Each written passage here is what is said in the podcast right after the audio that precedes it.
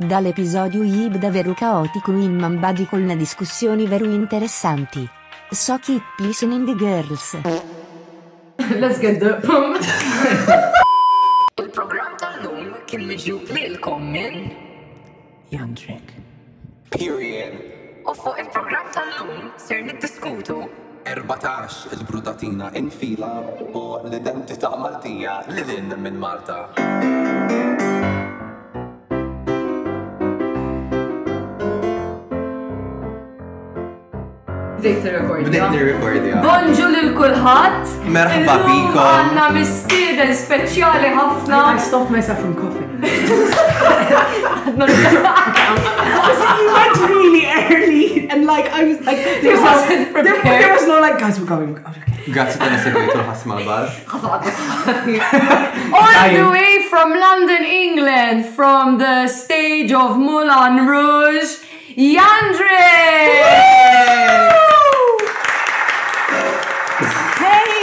Dan ħa jmur lura West End b'xi ħaġa miżjuda fis-CV, sound designer and queue operator. Liza, she's coming for your gig. Liza, she is really coming for your gig, ok? Mhux billi qgħadt tifraħ ilbieraħ meta konna the pub jekk ikonna f'nofs tat-triq l-belt x'imkien.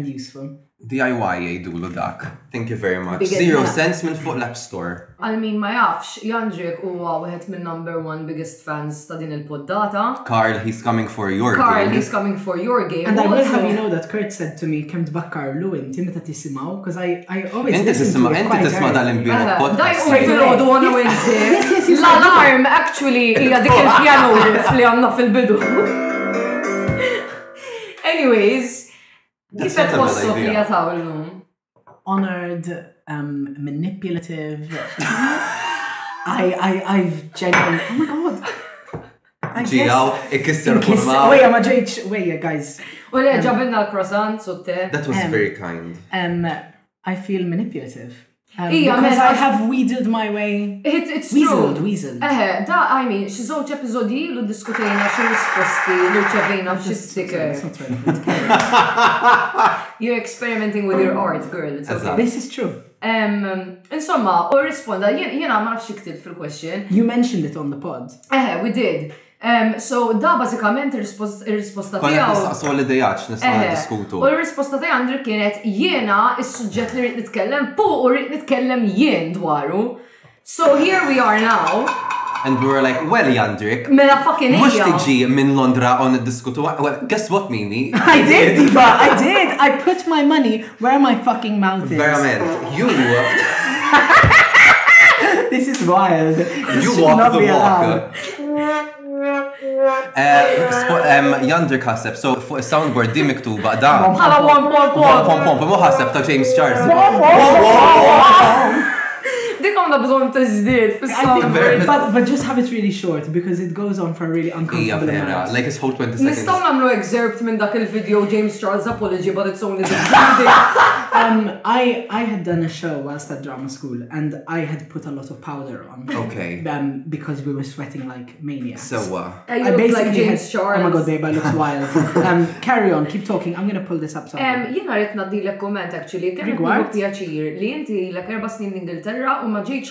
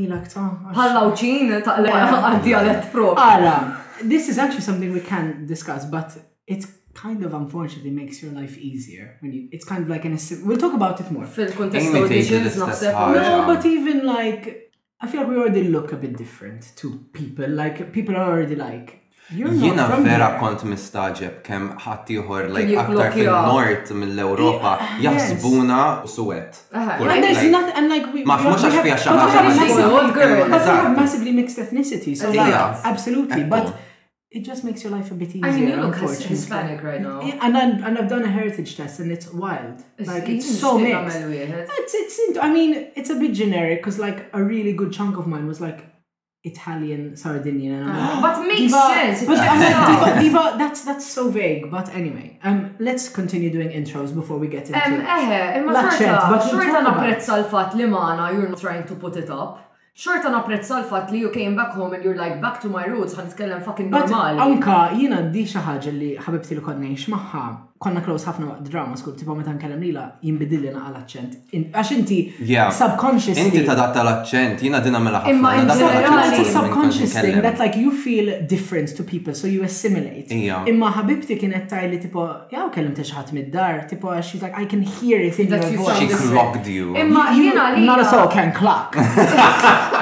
Jiena naħseb ukoll li fil-kuntest ta' skejjel tat-teatru bħal huma Masquerade u Stagecoach hawn Malta. Yeah, there is kind of that. Diġà tibda trawwimha din. Jiena kont inħossni naqgħod, mhux biex inħossni like oh woe is me, imma jien meta kont immur Masquerade,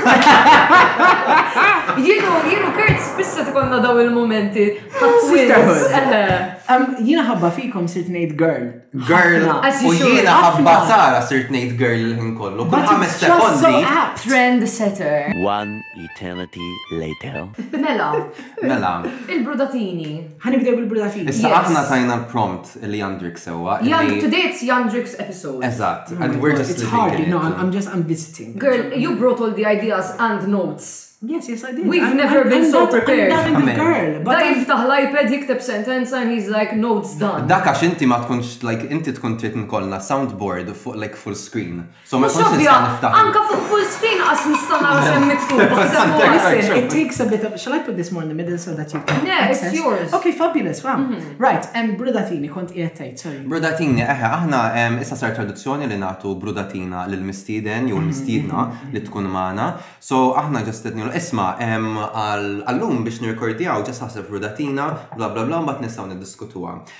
You came prepared. I did. So And- let's go. Eħe, għax I listen to the podcast quite religiously. However, I had to be like, hija Madonna Kert, fakkarni naqa like kif ikunu. U tipo, inti għedt li Eżempju b'rudatina tiegħi jew li dejjaqni l-majonez. I would like to say, I think that's offensive. Thank you so fucking much! Intom, intom taf x'manipulazzjoni għal kif għamiltu, intom dawwartu. Il-Bibbja temmek! Dawwartu l-istorja tiegħi kontrija. As you should! Ġuda! Yes, and? Ġuda! And I remember watching that music video coming out, it came out. Anyway.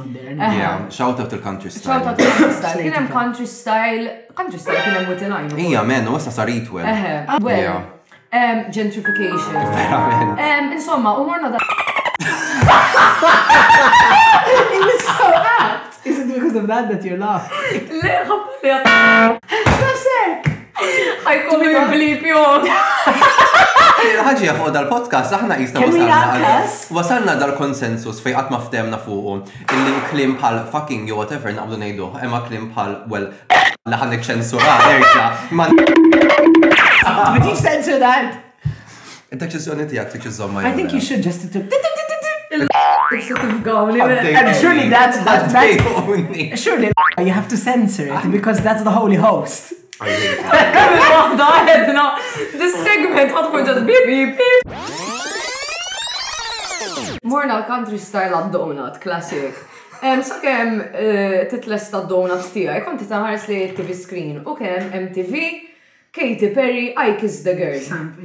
U di baqgħet imprinted f'moħħi and I realised that I had my sexual awakening when I was eleven years old on the day of my birth waqt li kont qed nistenna d-donut tiegħi il-country style.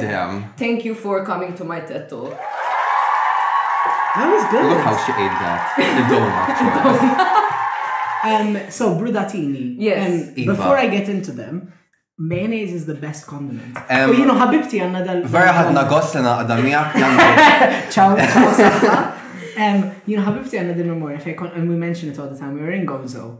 U ħana għedin nieklu u kien diġa beda l-Covid, so Malta xi raġuni ħafna restaurants ċertu affarijiet saru disposable bil-fors. Right. Eżempju sauces ma kienx ikollok fixkun kbir kien ikollok iż-żgħir. U jiġi l-majonez għax tipo konna qasamna plat chips tipo u ġi pakket tal-Heinz u tipo ftaħtu u għamiltu fuq il-plat. U dort fuq ħabibti Clarissa xawtat il-Clarissa u għedtila my favorite thing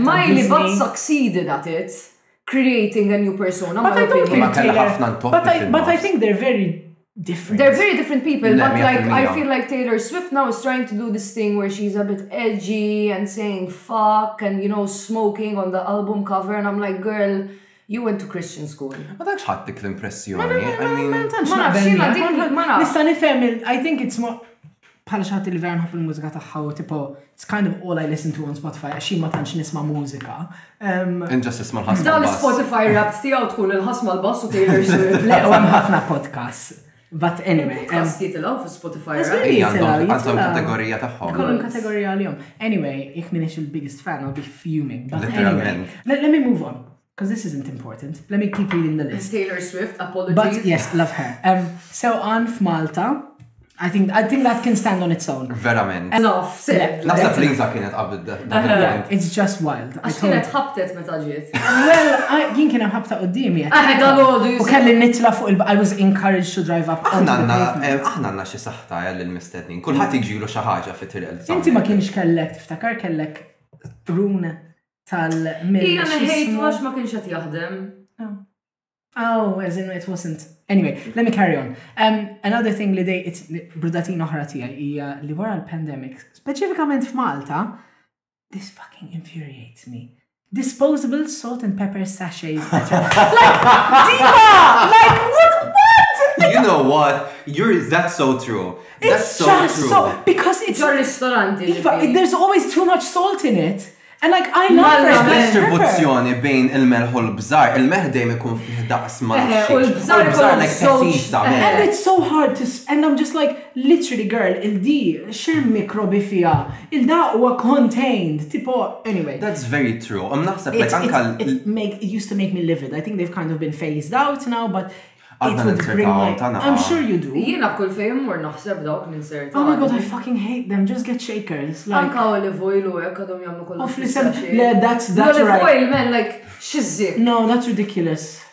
That's I hate anyway carrying on um, drag delusion għarri traffic in Malta għax jiena kulħadd jgħidli li traffic grava u s-sitwazzjoni tas-sewqan grava. U jiena għandi naqa' drag delusion għax jien tipo Girl, like, it's a 10 minute drive, I'll be there. My mom is like, I'll be, it's gonna take you like 40 minutes, 30. I'm like, lema, it's like this So far. delusion għax għadek ma kalkulajx li ħaddum aktar biex tasal ximkien. But I do it in, in a close enough time to what I think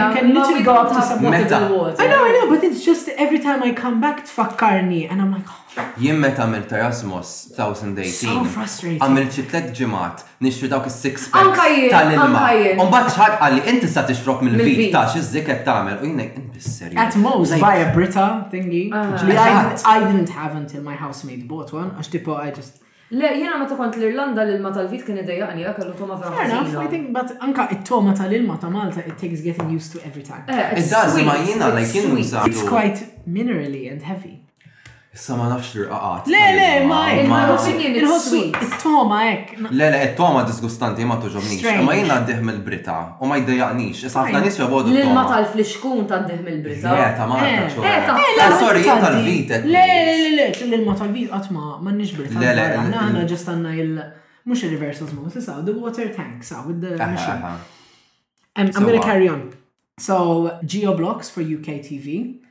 Ti, ti, ti. Geoblocks, like I can't watch Big Brother. Ma tistax, eh, ma jħallux taċċessa xi website. U vice versa Malta, meta kien ikollna X Factor fis-snin tal-bidu, ah. kont imbati ħafna biex naraħ, kien ikolli nizzelaw VPN. Ija, u ġiet ġila ħafna meta jina Wilbert nipprovaw naraw xi ħaġa fuq live player, menna x'ma jistax taċċessa minn Malta. I know, I know, I know. Um, Spatial awareness and the lack thereof. Oh Malta. So true. Girl, jiena vera sirt niddejja, like meta jkollok tgħaddi minn bus stop, jew nkella per eżempju specifically dik it-triq fejn hemm the pub bil-belt. U fil-bidu tagħha issa ħdejn il-ħanut ta' Charles and Ron hemm dak il-pub. Girl, il-bieraħ, il-bieraħ kellna ngħaddu minn hemm. It was such an anxiety inducing ten seconds of my life.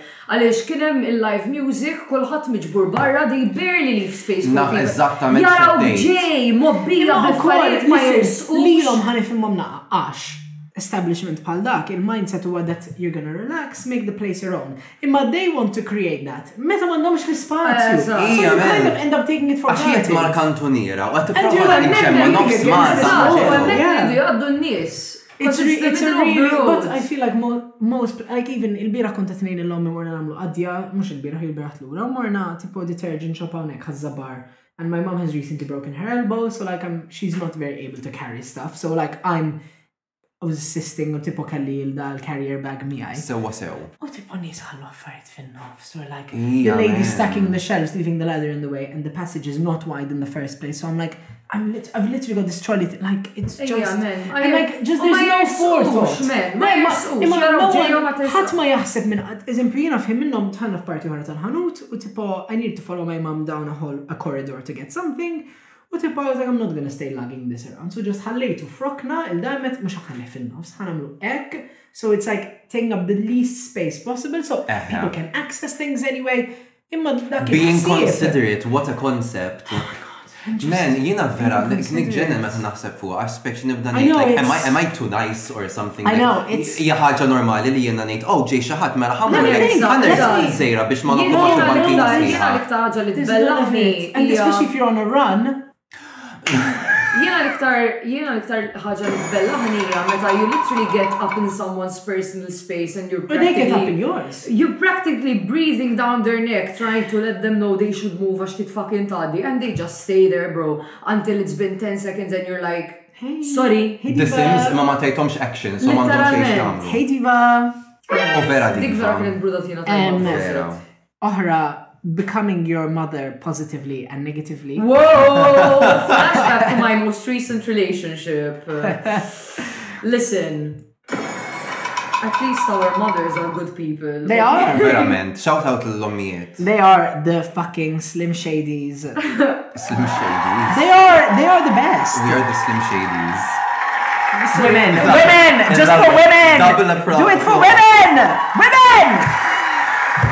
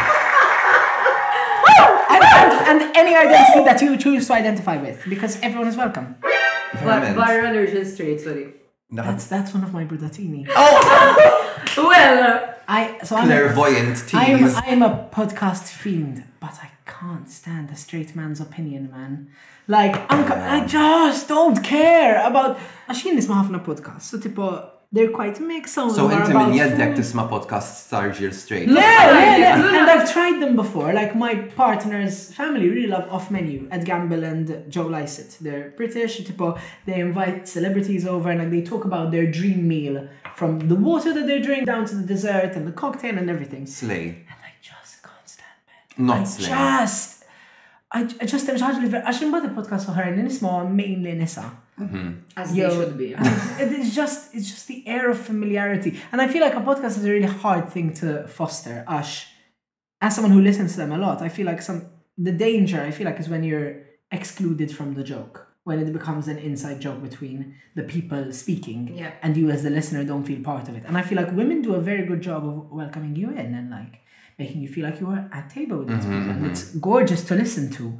Um, really care about the straight man's opinion. L-unika poddata li nassumi hija maġġorment irġiel straight li nittollera hija Radio Ħaj.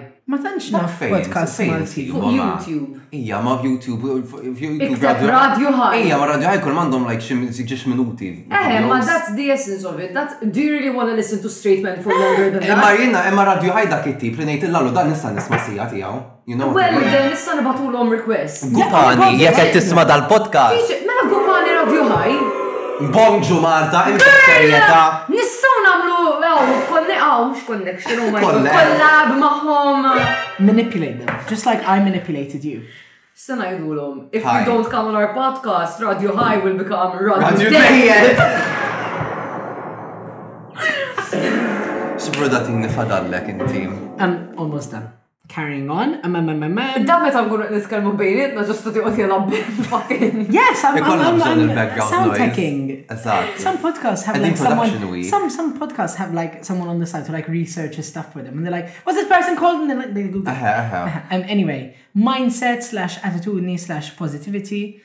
għax nħoss li għaw nuqqas kbir tiegħu f'Malta. Well, everyone in Malta is angry, depressed. Oh my god! Us dedicating a podcast biex literalment neqirdu u nilmentaw fuq l-affarijiet li jgħiduna u l-imbra. Ma jina ma namilx hekk, like ġenwinament, I had to kelli namel sforz biex naħseb dwarhom daw, imma kif tibda ma tiqaf. Verament, dik il-ħaġa do, għax anka meta bdejt nesperjenza, anka f'dawk pereżempju l-ħames xhur li kont qattajt il-Lussemburgu, U bdej, like, kont ċirkostanzi fejn, like, dejjem, fejn konna, like, ħafna nisma dwar mill-Europa.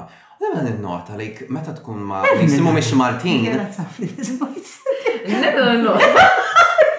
Xġara. Enta ma t-tmejlu bija. It's not like, took you long enough.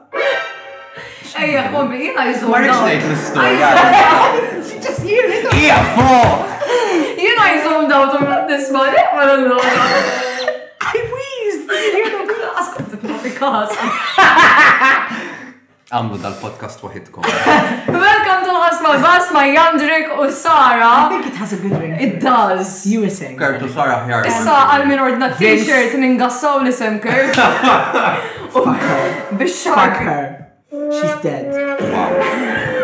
Il-punt u l-iskoprejt il-Maltin jgħirdu ħafna, thank you very much. Skoprejt. Skoprejt. Għandha għamil għof ispuċċi. Imma met inti tkun tqabbli li kien nistek ma ħaddieħor li mhux mardi vera tot tispikka mbagħad. Ħafna. Look, actually dik naqbel magħha x'jiena pereżempju l-ex-partner tiegħi eh, kellu mindset pjuttost pożittiva fuq ħafna affarijiet, kienu kren. Um, and like, despite the fact that his country is currently torn by war, eżatt,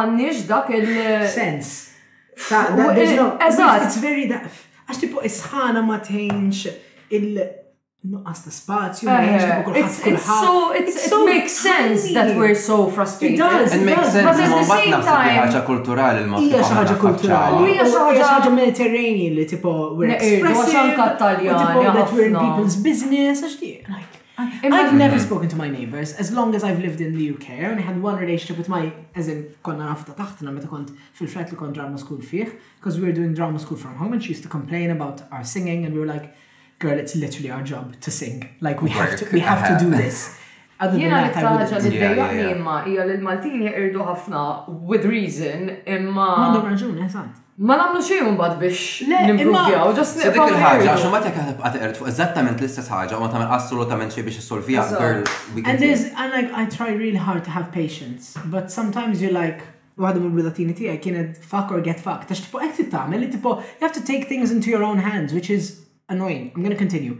Arbli tal-festa. Meta tipprova tipparkja. Għax jien ngħix Kien hemm bormla. il-fucking paviljon, ok?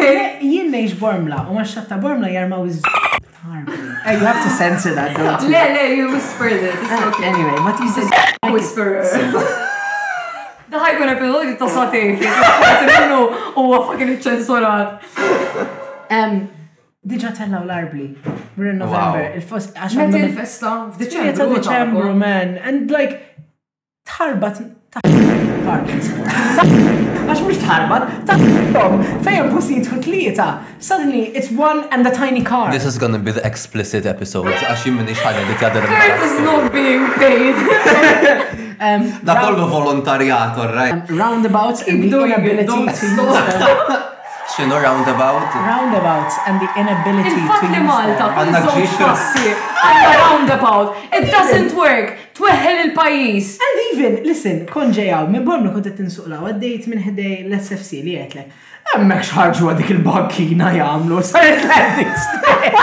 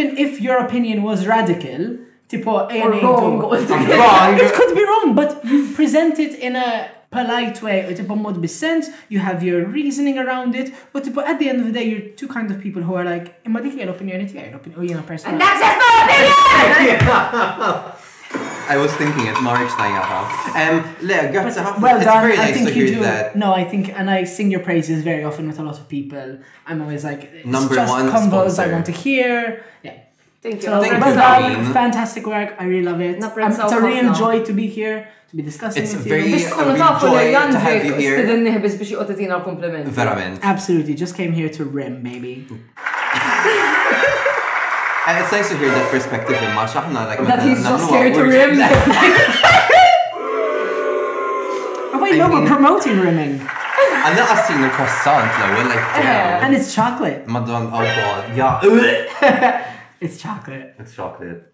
Is, is it chocolate though? Is it chocolate? Tafa imma di reference. It's fashion. Le, no. Le, ta' Drag Race. Meta kellhom il-Willy Wonka bars isa. Jien onestament l-unika l-unika referenza li niftakar minn Drag Race hija meta staqsu lil xi sima, do you smoke weed?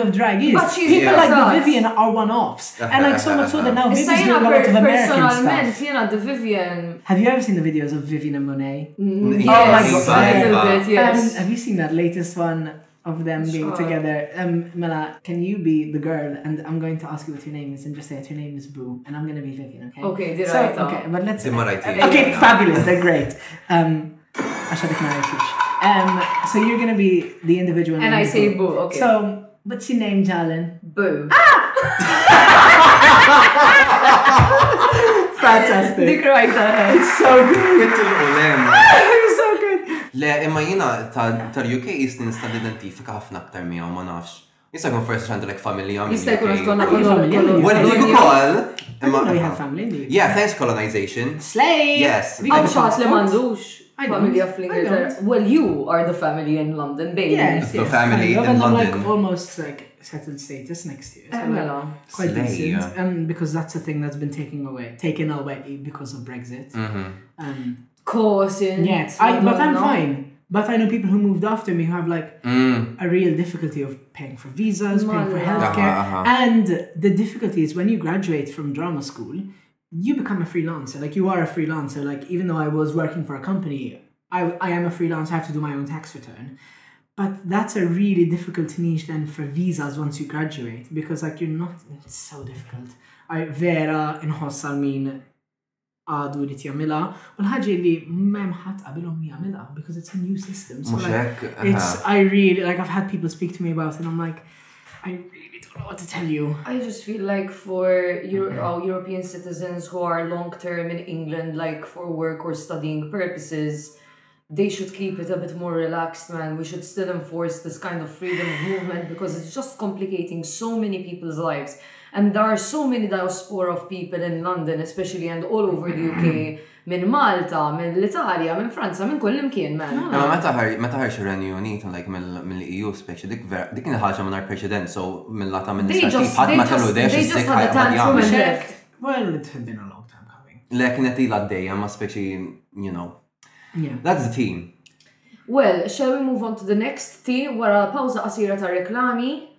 Ekkon. Niskopru is-suġġett misterjus ta' Which you've mentioned. Which we have mentioned that now. I, no, no, no, but like you've said on the pod in previous episodes that like I had said yeah. and I've manipulated you. okay, villain.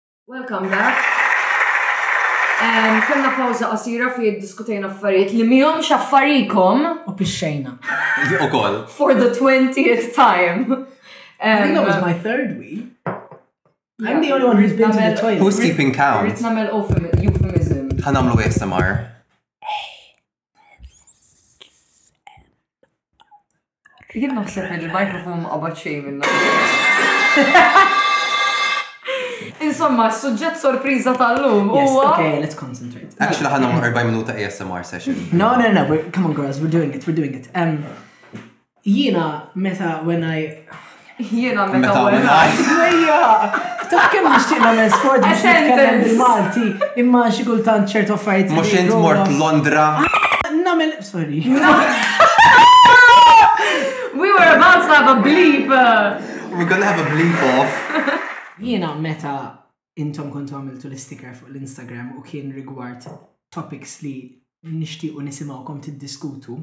Jiena hija xi ħaġa li fl-erba' sin li jiena għamilt ngħix barra minn Malta sissa u maffarijiet li aktar ma jgħaddi żmien jisni aktar nidentifika magħhom u tipo nara f'xinuma u Interessat biex ikolli diskussjoni magħkom għax intom it-tnejn li intom għextu barra minn xtutna. U jiena interessat ħafna jkolli diskussjoni magħkom dwar l-identità Maltija u inti bħala Malti tgħix barra minn xtutna affarijiet li tħoss u tosserva u għandi tliet main points li se nduru madwarhom għax inkella inħoss li ħanibqa'. L-episodju jibqa' verament. Eħe, ħankunu serious guys. Ekko. L-isputar serious voice.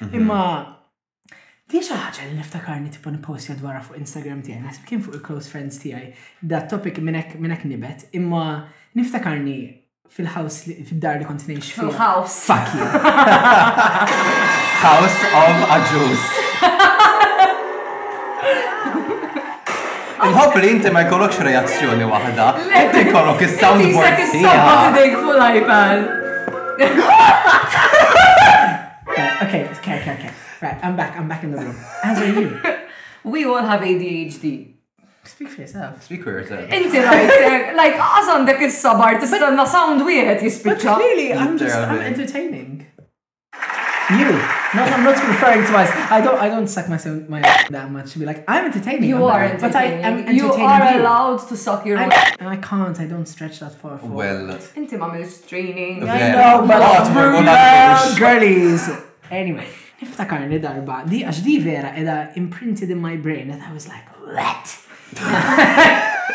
You turned out to be I don't think of that as a Gollum sound. No, but it's more like, what? Wait, what? Le, għax ħabibti draw. If y'all don't get a grip I swear to God. Mela, jien konnejx ma konna erba ġuventur fi flat. U jiena we had yes, Oh, you know, we had sirna besties like tight as fuck, um, so close. It's a body? And we used to hang out in the lounge together. And I was kind of like his mother because I moved when I was 22 and he was still 18. So like inadvertently, I kind of like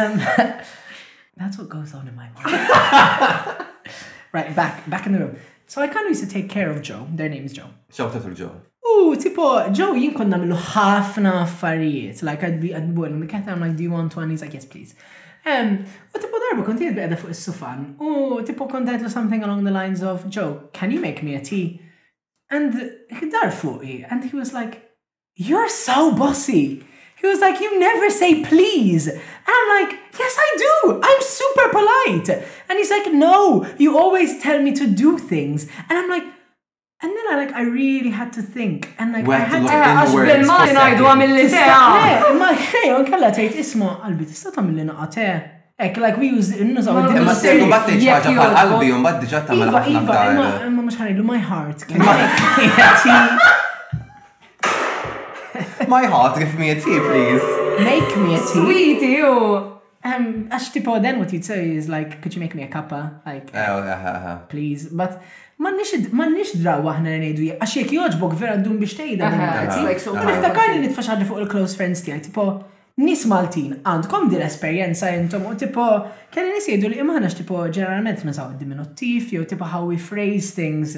U dik xi ħaġa I had like, I was like, u aħna ħaġa oħra li, u forsi dan huwa t-trobbija tiegħi li jiena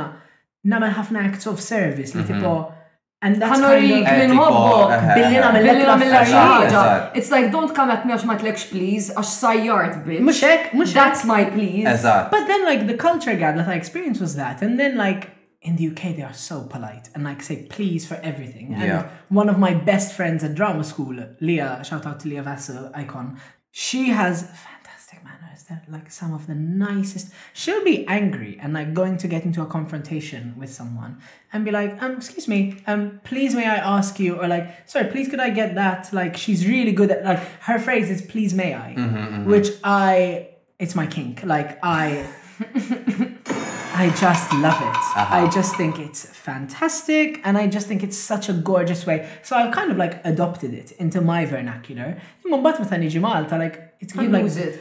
No, I use it. I use it. And all of my friends look at me like jien Maltin. Jiena kont xi ħafna ta' dil-ħaġa għax naf li hija naħseb ħaġa kulturali illi avolja avolja espliċitament ma ngħidux. Imma avolja espliċitament ma ngħidux like anke jekk forsi ħadd ieħor jieħu l-impressjoni li aħna Slavaċ. bejnietna għalhekk ħadd ma jagħti każ għax kulħadd jaġixxi bl-istess mod. Imma jien kont xi ħafna Għandna common ground. Għandna wkoll fil-Malti xi ħaġa li jiena tinteressani hija li m'għandniex il-formal form jew il-polite form. Hija naħseb l-unika lingwa li naf jien li m'għandhiex polite form.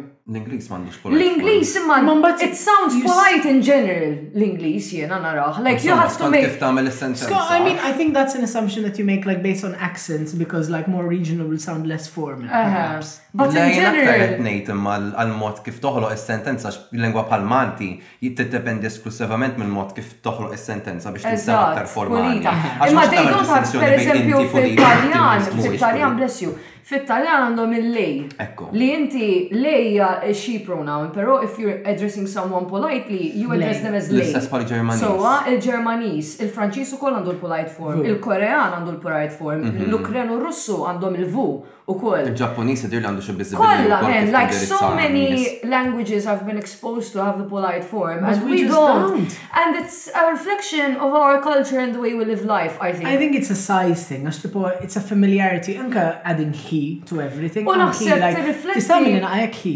Tirrifletti wkoll li naħseb f'Malta kien hemm perjodu twil fejn il-Malti kien jintuża biss minn nies li m'għandhomx edukazzjoni.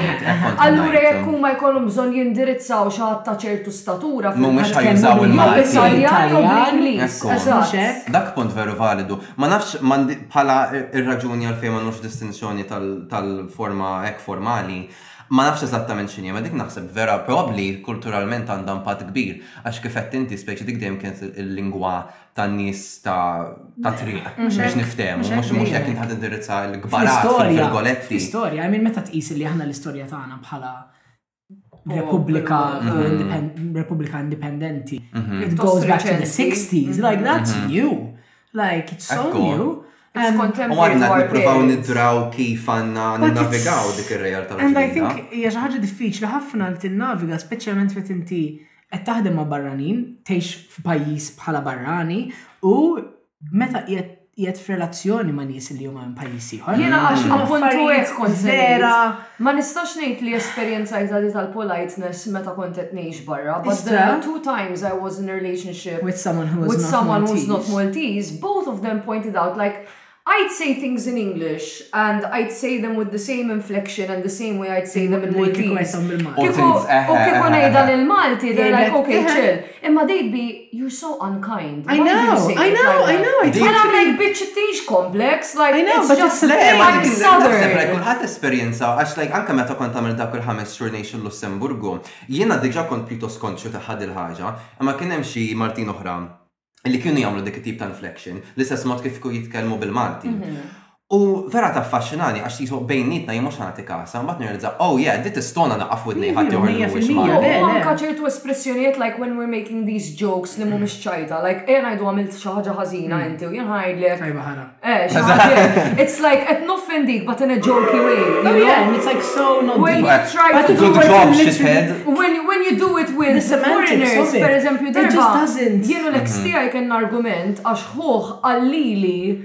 ngħinu b'riċetta. U l-eks tiegħi ġie u qallu tip għax ma staqsejtx lili, u ħa ngħinkom, qallu ħa ngħin. U jien għidtlu kemm int bassa, bl-Ingliż għidtlu kemm int bassa, like mhux lili staqsa u jiena kont b'mod ċajtier. Imma hu vera ma ħadhiex hekk man.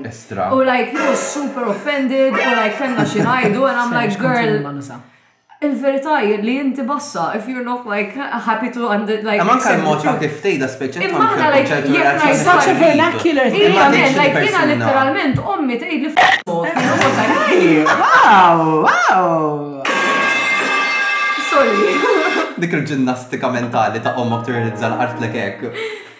Batilu what I mean, aħna vera hekk. Slavaġ! Imma I love it ta! I do! Jien niddejjaq b'daqqa bla politezzi u ddur mal-lowża. I'll come on to tiddwir mal-lowża, imma let me let me segue on to the conclusion point that I had to make about this. Illi li vera ninnota u li tipo jiena abrudatina tiegħi hija On top of the other fifteen. Yes, yes, yes, of course darling. But this is so niche to Malta. Illi Malta Biex tiġbed l-attenzjoni ta' xi ħadd, speċjalment jekk inti qiegħed f'ħanut tal-ikel jew qiegħed ħanut. Aw! Le, le, ġeneralment, tipo, jew you trying to pass, tipo, xi ħadd qiegħed fin-nofs. Hawn Malta ngħidu, sorry. Yes, yes, yes. Mentri tagħmilha barra minn Malta, kulħadd Sorry. iħares lejk tipo, what are you Forward. saying sorry for? Excuse me. Li mbagħad jiena drajt ngħid għax tipo it makes sense and it's actually correct. Jien meta nitfowwaq ngħid excuse me. Yeah, fine, that's fine.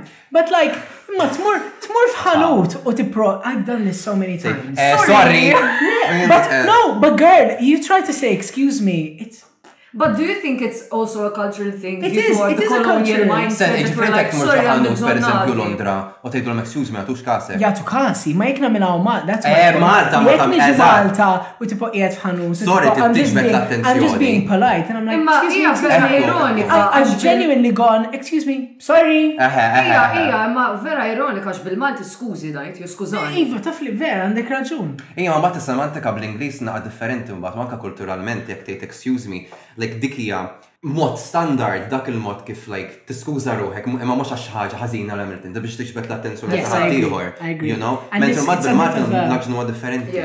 On the topic of semantics, I saw this thing on TikTok this week about the semantics in the UK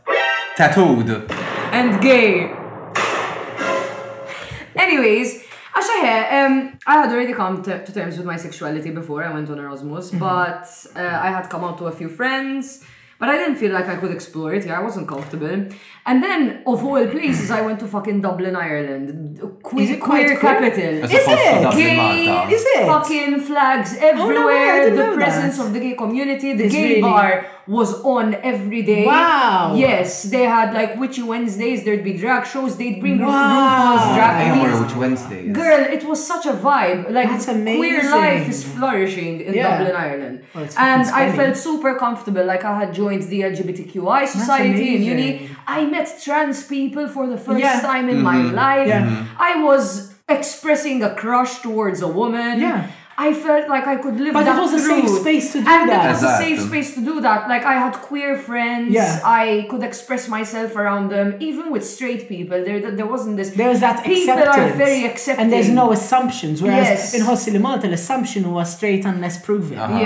Generally, ara jiena għandi esperjenza simili ħafna tiegħek għax jiena għal min ma jafnix jiena kont Għext Malta sakemm kelli 22 sena, so jiena għamilt Sixth Form Malta, kont Sixth Form ma' Sara kont sena quddiemha, la volja ħana l-istess età. U mbagħad hemm kont għamilt Liġi l-Università ta' Malta u mbagħad ġarrejt għal barra u fl-ewwel sena u nofs tiegħi Liġi kont qiegħed f'relazzjoni eterosesswali u kienet relazzjoni li bdejt f'Sixth Form, so kind of like I feel like you could relate to this, especially as a. Were you at an all boys school as well? Sekondarja. Yeah. Sekondarja. I feel like you get speculation. I had so much speculation about me the entire time that I was there, but like about speculation f'sens ħadd ieħor jaħseb fuq. Iva, that people assume. Kulħadd kien kulħadd imma kulħadd kien jaf fil-kastija x'inha kont I kind of came out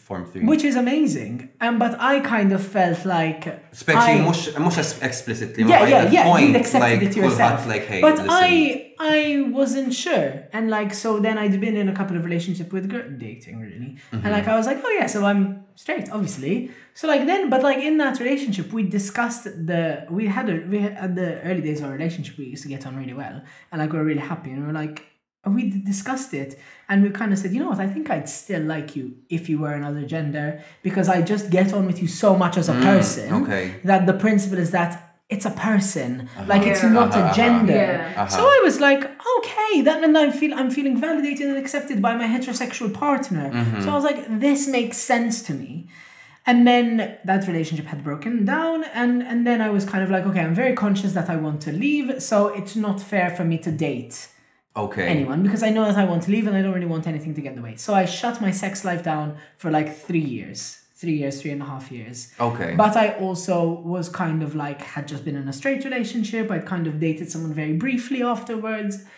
And I was kind of aware that, like, maybe I like both genders, but I've just, but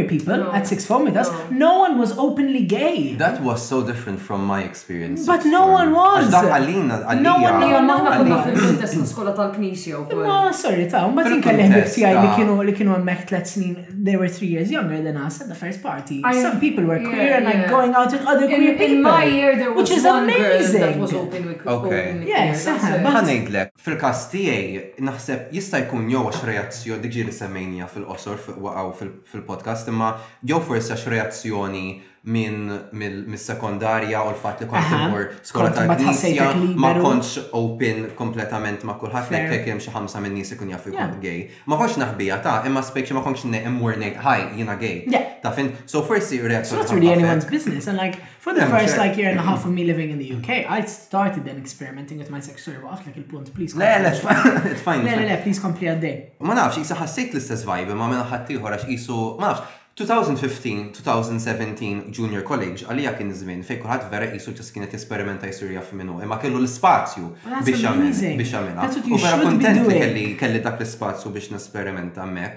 Imma l-ħaġa hija, u hawnhekk fejn naħseb l-esperjenza tiegħi vera differenti minn tagħkom fejn tidħol l-esperjenza queer u s-sesswalità speċifikament barra. Jiena nħossni Mitt elf darba aktar komdu Malta milli nħossni barra. Bis-serjetà? Nitwaħħax. Meta kont Erasmus, issa jew għax jiena minni naqra introvert u nżomm lura, imma l-idea li mmur pajjiż barra u jisni nipprova nesplora s-sesswalità tiegħi twaħħaxni. La, la. Ma nafx għalfejn.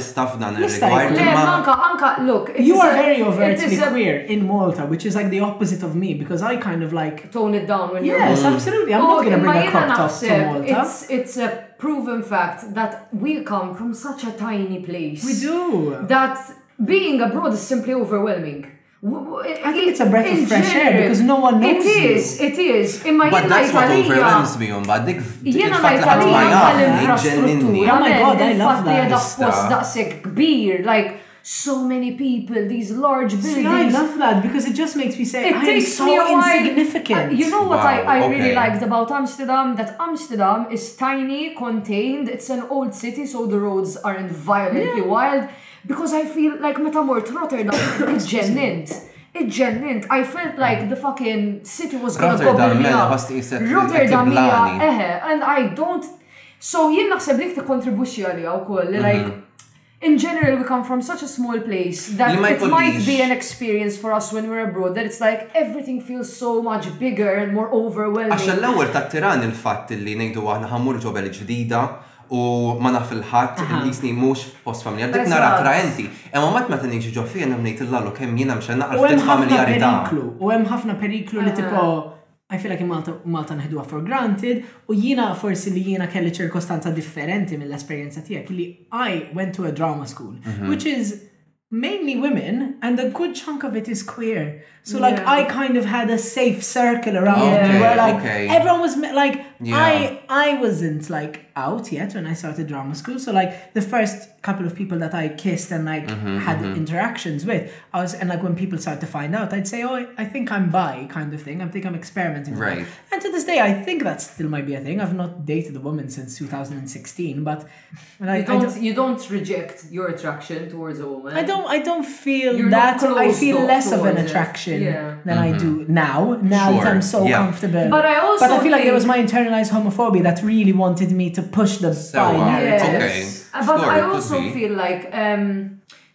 as someone who identifies as pansexual. And I identified that way for a while, but now at this point in my journey, I'm just like, well, the history has been X amount yes. of years, mm-hmm. mm-hmm. so carry on. In my like short, uh, like I dated mostly uh, women. Yeah. Uh, I don't feel like I'm a lesbian. I feel like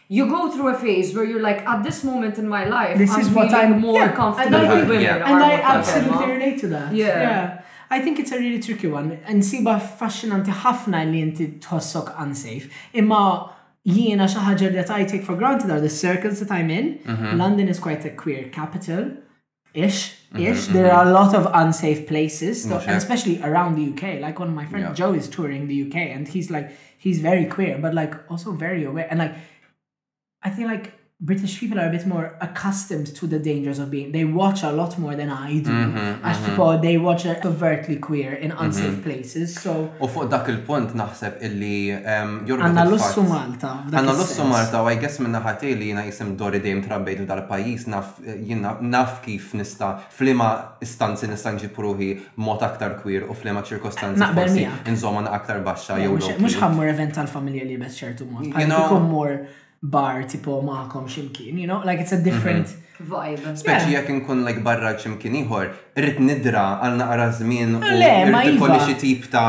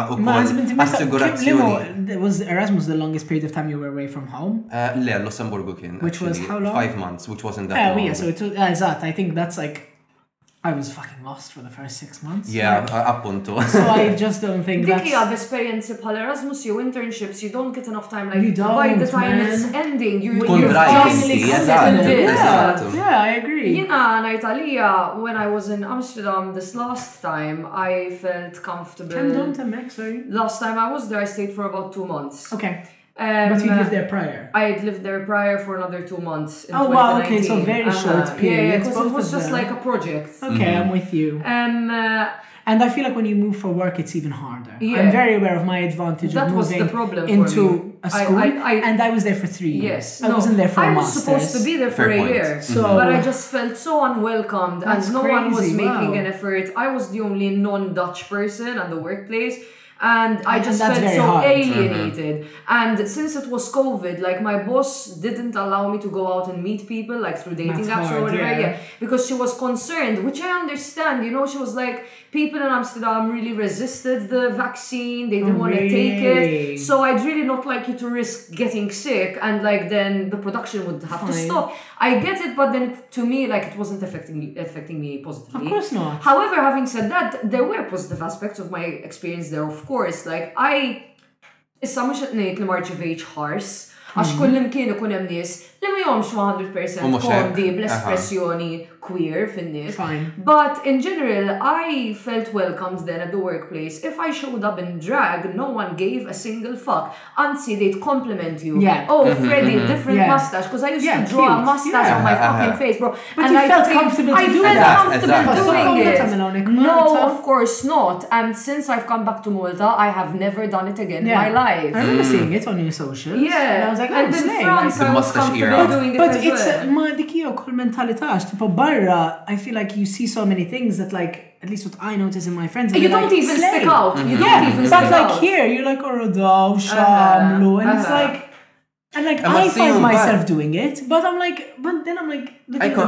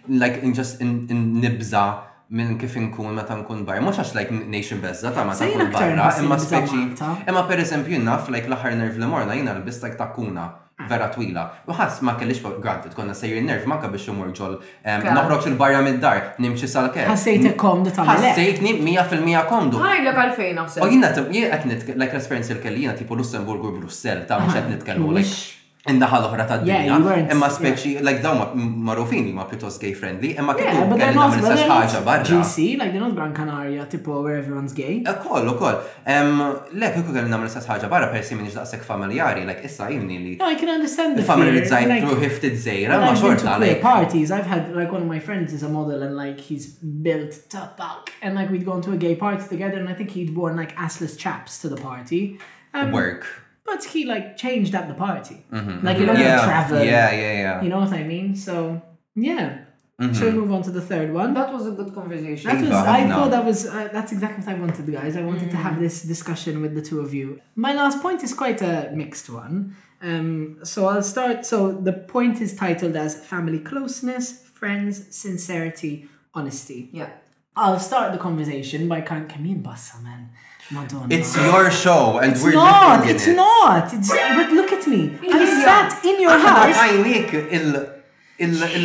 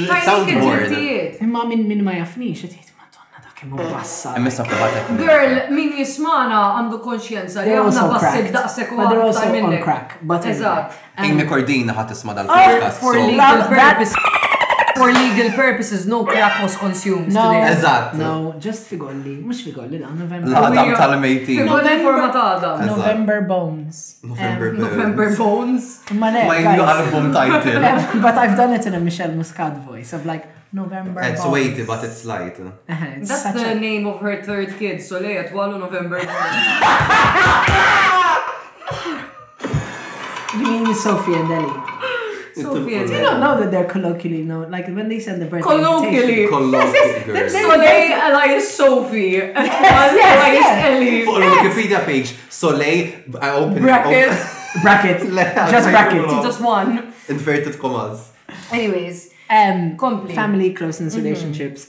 Culture gap li nħoss rigward honesty li tipo I will say this about myself u ngħidha buċċi minn qudiem. Jiena stramp. Jiena persuna vera stramp. I am strange.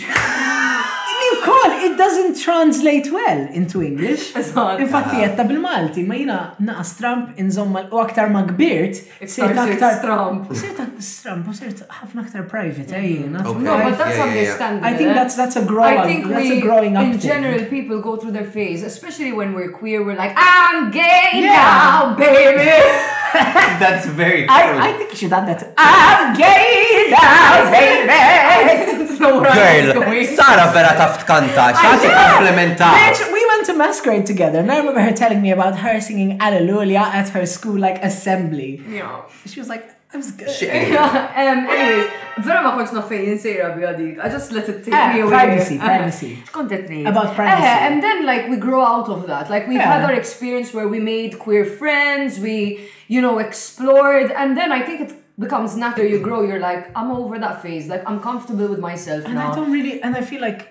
Shaja Nasservelli, some people really like being in your damn business. mm and I'm like, I don't I've not liked live posting for a long while.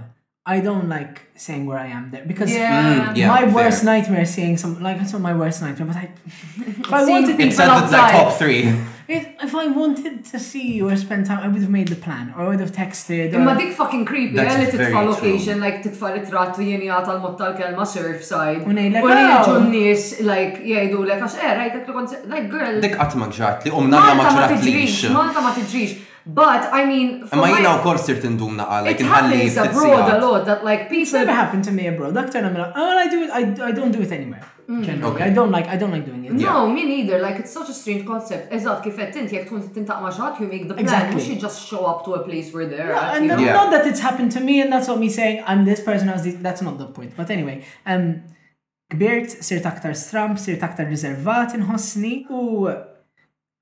I'm very honest, I'm brut, I am that friend who jekk inti ħa ddur fuqi bħala ħabib u tgħidli x'għari tajjeb illum tipo I'll be like, no, kinda looks. And that's another thing to tie with the first point tal-lingwa li ċertu kulturi jsibuha offensive. Yes, yes, and like I'm known as the blunt person, but like I always say to this, I'm always like,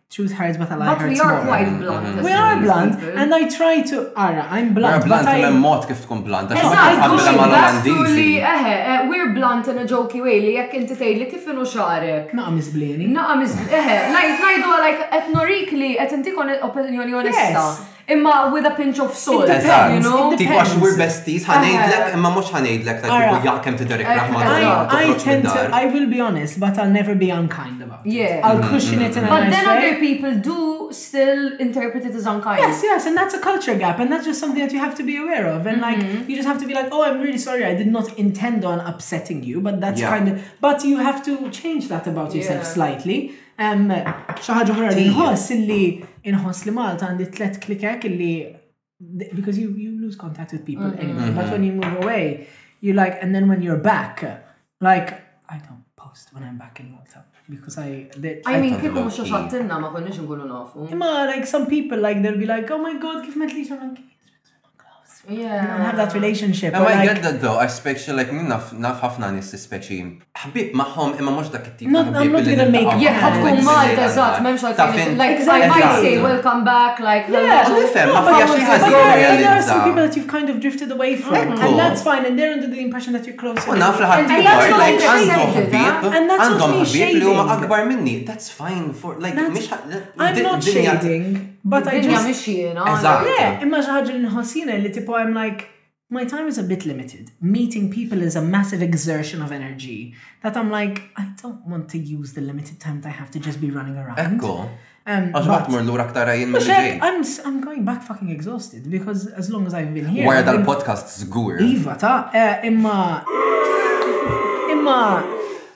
Inħoss illi Malta nsibha diffiċli ħafna to rest because I'm always like no I have this. Tagħmel catch up mal-affarijiet li kont. Imma xi ħaġa li nħoss u kont qed ngħid li jien għandi tliet klikkek that I mainly meet. Dawk il-klikkek they're kind of my ride or dies. Like the friendships that I have with them are mhm. so solid mhm. and they're things that very few friends like our definition of friendship is different our loyalty is next level like inħoss jiena li tipo mhm. l-ħbib li għandi li niltaqa' magħhom jiena meta nkun hawn Malta ftit mill-best friends tiegħi jagħmlu effort jiltaqgħu miegħi kuljum ġenwinament and like they'll go out of their way to me and like I really appreciate that and like there's very few people who would do that and like mm -hmm. unfortunately you take that for granted because you know that that's what they're like and you do the same to them but my friends tell me all the time like that they're like you're not gonna find other people like none of your friends in the UK are like this and yes this is true like mm -hmm. the definition of friend but it's a different culture Si, jena kelli um, esperienza pjuttost opposta, niftakar meta kont eh, Erasmus, meta d-deċidejt l-inġeddet specialment minn termu jħet għal-tnej.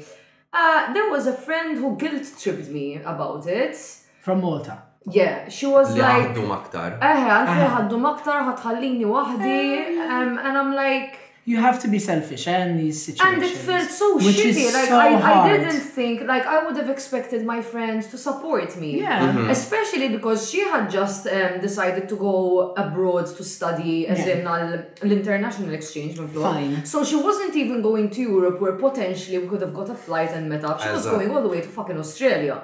Mind you, while she was there, like not much contact, she came back with a boyfriend and we met for the first time and then the friendship ended. Yeah. Because I felt so butthurt, honestly. Yeah, I, I think that's that fair. she gave mm. me a mm. hard time and guilt tripped me, uh-huh. made me feel like I'm being a bad friend for making a personal choice to extend my studies really abroad. Hard. And then she came back, and like even when we met up the first time, she totally like gave us the cold shoulder a little bit because she had a boyfriend she wanted to introduce to her mom and i get it yeah. but like your friends are also here and we've not had it's time hard, to speak man it's really it's a really hard because what I feel is that, and this brings it like the main discussion about is that you kind of develop two identities.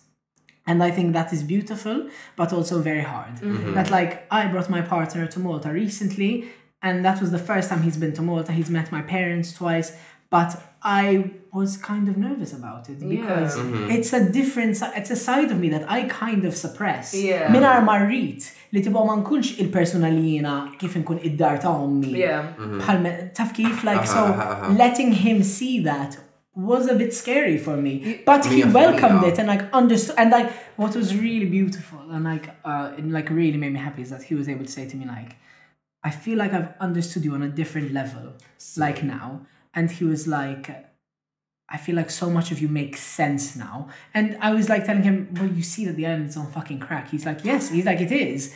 And I'm like, And I am such a diluted version of it. Like, even my accent, like, isn't a very strong mm-hmm. Maltese mm-hmm. accent. Like, I do mm-hmm. have one, but it's not a very strong one. Obviously, when I speak to English people, I assimilate it, it because that is what happens. Um, going on to one of the points that I mentioned, like to mention in this sub branch, was like about family relationships. And like, my partner was like, he can he has a very close relationship with his family. Mm-hmm. Like they're mm-hmm. very good, but they are different to us because they are used to mm-hmm. leaving home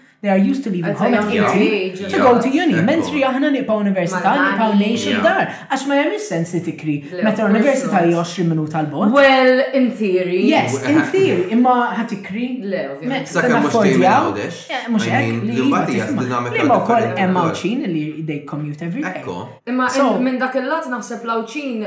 Għandhom ċertu renaissance dak is-sens. They get independence earlier than us. Jien naħseb li vera ta' speċi vera taffaxxinanix anke ġo pajjiż żgħir bħal Malta fejn kulħadd. Il-mikrokożmu huwa mind blowing. Imma tipo jien dejjem anke meta skoprejt li eħe hemm Għawdxin li actually jinżlu Malta, jgħixu Malta weħidhom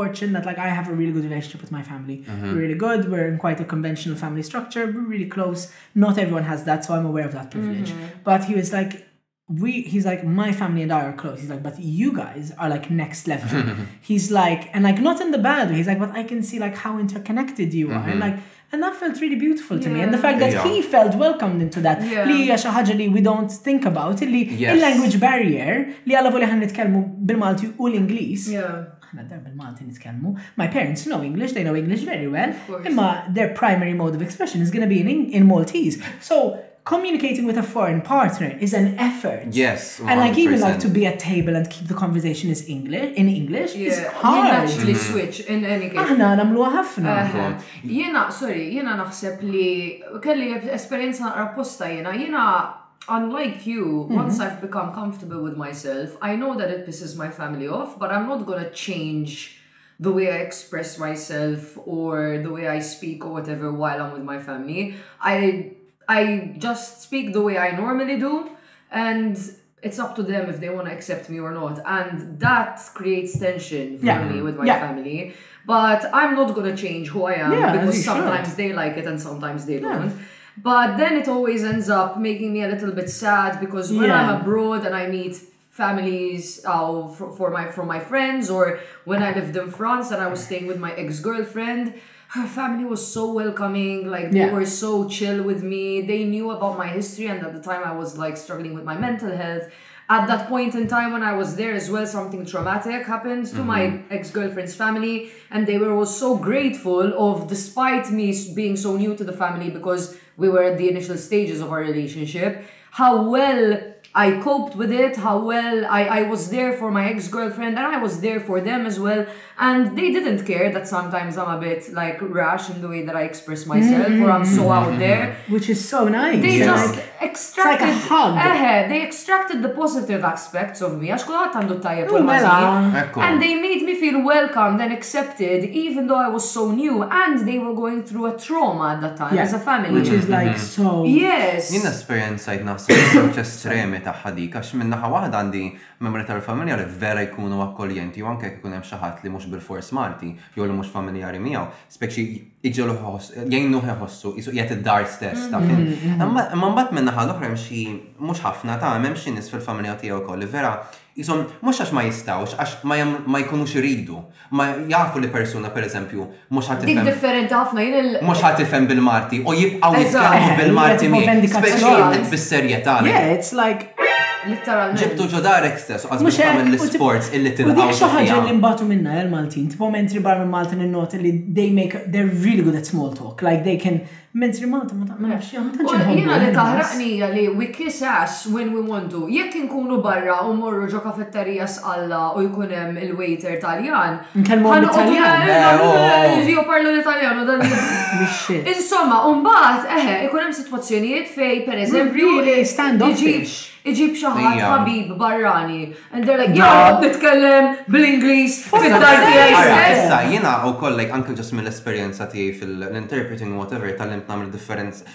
Tgħallimt, pereżempju, nagħmel inqas code switching, li jekk ikolli bżonn nitkellem bil-Malti biss nista', jekk irid nitkellem bl-Ingliż biss. Għalija hija ħafna eħfef. Naf li mhux kulħadd ngħata dak l-istess taħriġ.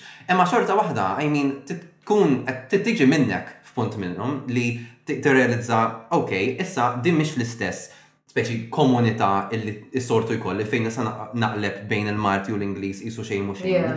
I mean, Dak l-isforz żejjed, jekk xi ħadd ikun lest li jagħmlu, tidher ħafna u tirrifletti ħafna fuq il-karattru.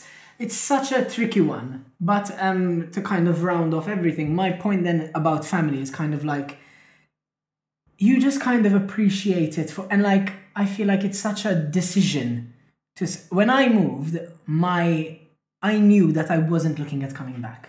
I wasn't looking at a three month stint. Yeah. Mm-hmm. I was looking at a three year course, mm-hmm. but I knew that m- the line of work that I wanted to do has a life of its own in other countries. Whereas in Malta, yes, there is a bustling musical theatre scene and it's growing, but things go on for a week or a week, two yes. weekends. Fair. And you rehearse for like three months in the evenings because everyone has to work a full time job. Yeah. so I'm like, this is not sustainable. This is what brings me joy, but this is not sustainable. So when I left, I knew that I was leaving the life that I'd known for 22 years.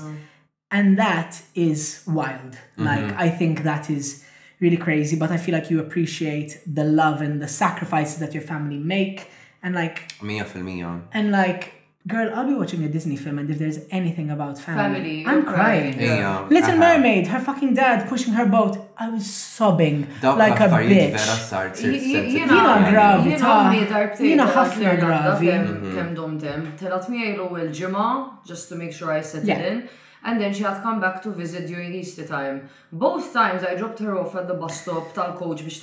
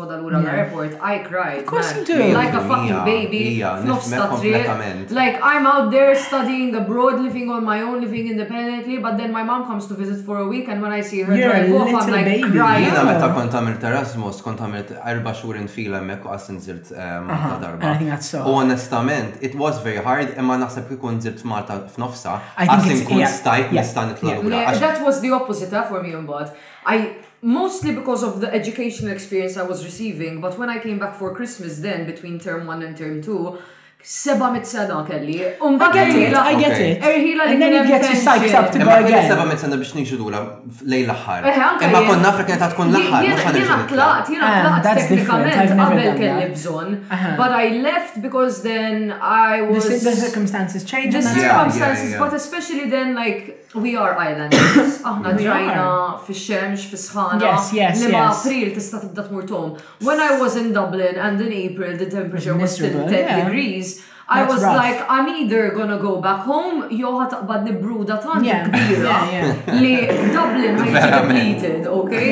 No, no, I get that. I think kind of like something that like is so particular is kind of like when you're I remember this clear as day, the day like because the anticipation is so exciting. But like the day I moved, like you look forward to it so much and like you're so excited but like when mm-hmm. the reality hits you it's mm-hmm. wild ah, and i remember like yourself in the middle of a big city no i remember like being at the air because i had gotten like the 5 p.m flight and like so like that day we were kind of doing sweet fuck all but i remember mm-hmm. like being sat on the sofa with my sister and like i'm gonna cry yeah, um, yeah we yeah, looked at each other and we literally both burst out crying mm-hmm. because like it's one of those things that you're like oh woo guys woo girl, Mild. it's okay. Yeah, no, but it's one of those like you appreciate it yeah. so much, but like it's so scary. And like I don't think you know this, but I was at the airport one time when I saw you leaving. And like I remember seeing when? you. I don't know. It was probably like, like a September. or no, it was. I think okay. you were going to Kondiġa qiegħed my Wilbert. I remember seeing you and your mom. I don't know if Wilbert was leaving. Okay. But I remember like and like we knew each other. But like it was all the circumstance. I'm like and like I remember you hugging Wilbert and both of you crying.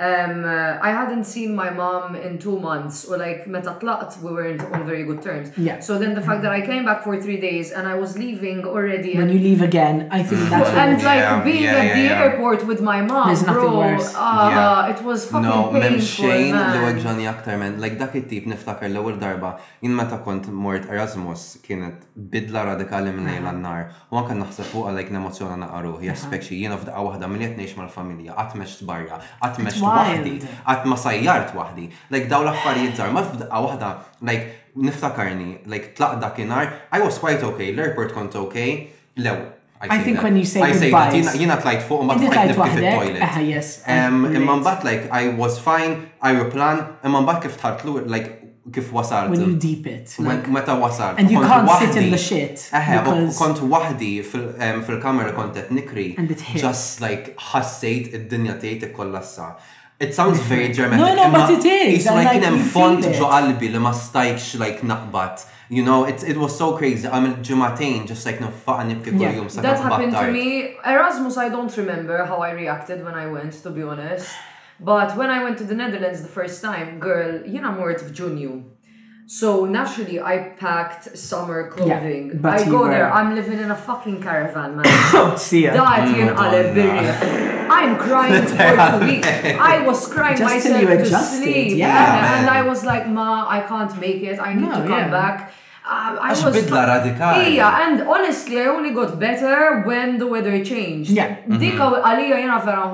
sabru l-ambjent. Taffettwani differenti. It-temp vera vera taffettwani. Ejja, jiena ma kontx, jiena skoprejt kemm jaffettwani t-temp meta mort il-Lussemburgu. Għax ukoll kont inżirt għal xi ġimgħa lura Malta għat-tikx t'ommi. Aha, cute. U le, kienet vera sabiħa u speċi kelli s-seba' mitt sena ġenn biex ninżel lura Malta. And it's an event, like it's so beautiful. Imma mbagħad tant kien sabiħ speċi like il-ġimgħa, il-qofol ta' dik il-ġimgħa kien it-tikx. Wara t-tikx mort lura l-Lussemburgu. Mhux għax kont indannat, għax speċi kelli, fortunatament kelli komunità sabiħa kbira li kont nirritorna lejha, imma speċi qatt tgħid dik il-ġimgħa mal-familja, ommi żewġet, reġgħet, kollox like imsaħħab u xi tagħmel. Depressing, depressing. I think it's one that's ara, I have two points to make, one of them is kind of like the thing that I've found is that you kind of build two lives, and they are some, you do you do you do um, and it's hard because you love both of them. Mm-hmm. I love my life in the UK, but and, and like and I love my life in Malta. If I could grab my family and friends in Malta and put them in the UK, I would. Mm-hmm. But that's not possible. Especially my sister has three kids. Like Damn. So like I'm missing so many events yeah. and like so mm-hmm. many daily interactions. But like if you deep it, like it makes you sad. What you need, right? Yes, like, it is what is you what, need. This is the path of your life. But but you, uh, I've appreciated how much I value it, mm-hmm. and like, yeah. but you learn to see that there are two lives, and you build them separately. And like, I'm really fortunate; my family visits me a lot.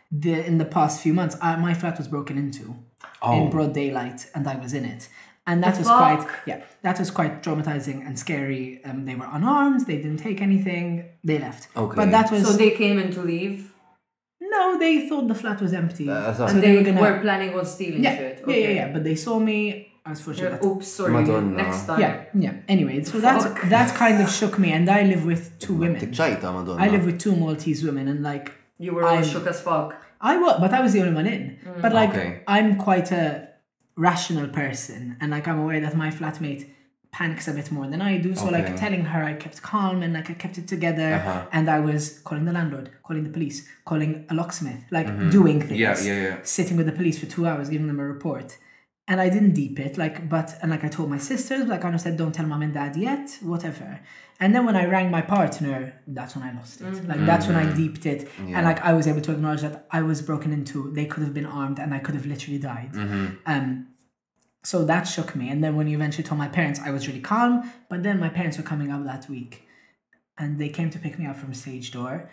And the second I saw my parents, and I, I went to hug my mom, mm-hmm. and I cried so much because it's one of those things that you have to do things on your own. Um, and like there's so many things you just want to say, Mom Lily and people, mm-hmm. like, but you have to do it yourself.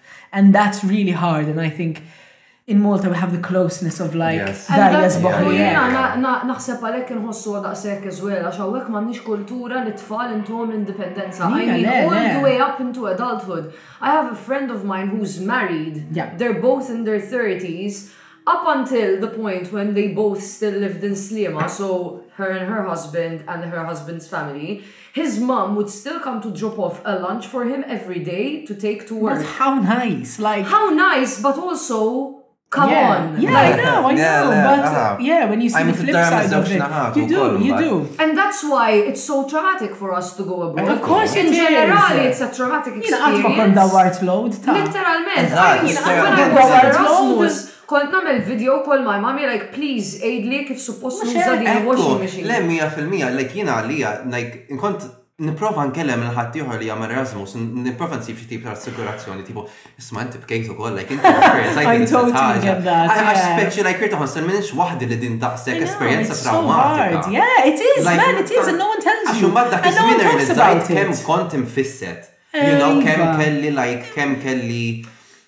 B'mod tajjeb u mod ħażin. Il-kultura ta' Southern Europe. Mhijiex ara inħoss li kultura ta' Southern Europe u nħoss li hija kultura Kattolika. Nosserva ħafna. Very fair. Għax my second point that like I am happy to conclude with is that that thing that I was talking about about two lives. One of my favourite films and like this film that I will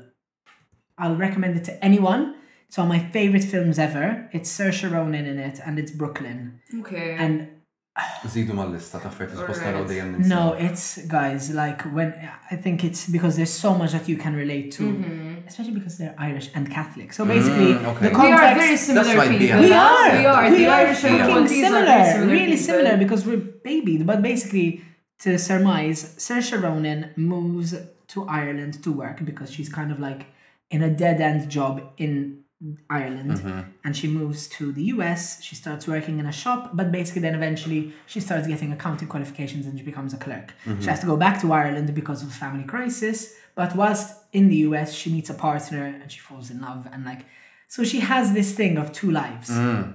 And like, you see her struggling so much at the beginning. And I don't want to spoil it, but in the film, there's a family event that like she has to go back for. Right. Mm-hmm. Okay. And it like, and like, there are so many moments in that film every time I see it I cry like I showed it to my mm. partner not long ago mm-hmm. and like I've seen it maybe five times and I you cry sobbing. every time uh-huh. I am sobbing but the moment that I replay in my mind often is at one point she goes back to Brooklyn and on the boat she sees another girl mm-hmm. and mm, she recognizes that it's her first time going to Brooklyn so she kind of tells she you see yourself in someone mm-hmm. so she kind okay. of tells her and she the girl contacts her like, "What's it like like in Brooklyn? Like how do you find?" She's like, "Don't eat on the boat because you will be sick.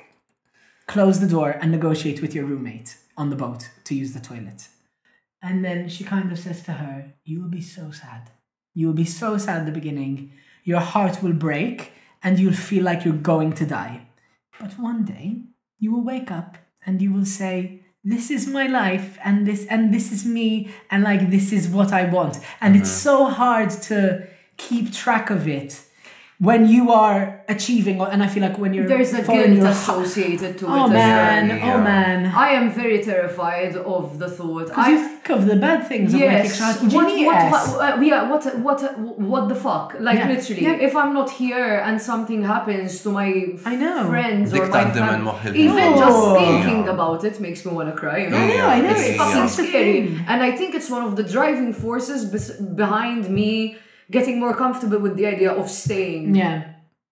You know, mm -hmm, I feel like now I've had my experiences abroad. I'd like to achieve something like you have, where you are periodically you abroad and mm-hmm. periodically here. U dak napprezza ħafna, eh? Għax il-fatt kien naħseb li minix maqtuħ li nix ħajti kollha kollha barra. Imma naħseb minix maqtuħ li nix ħajti kollha kollha Malta. And I think that's fascinating. Li bħalissa nista' nilħaq dak il-bilanċ.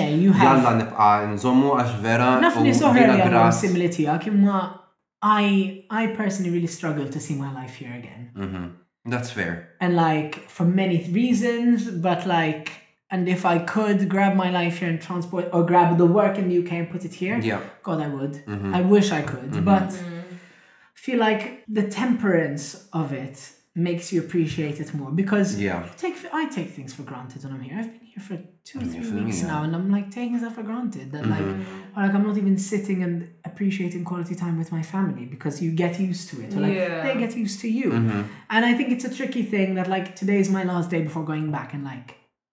I've been noticing my patterns that like I'm kind of feeling sorry for myself. Mm-hmm.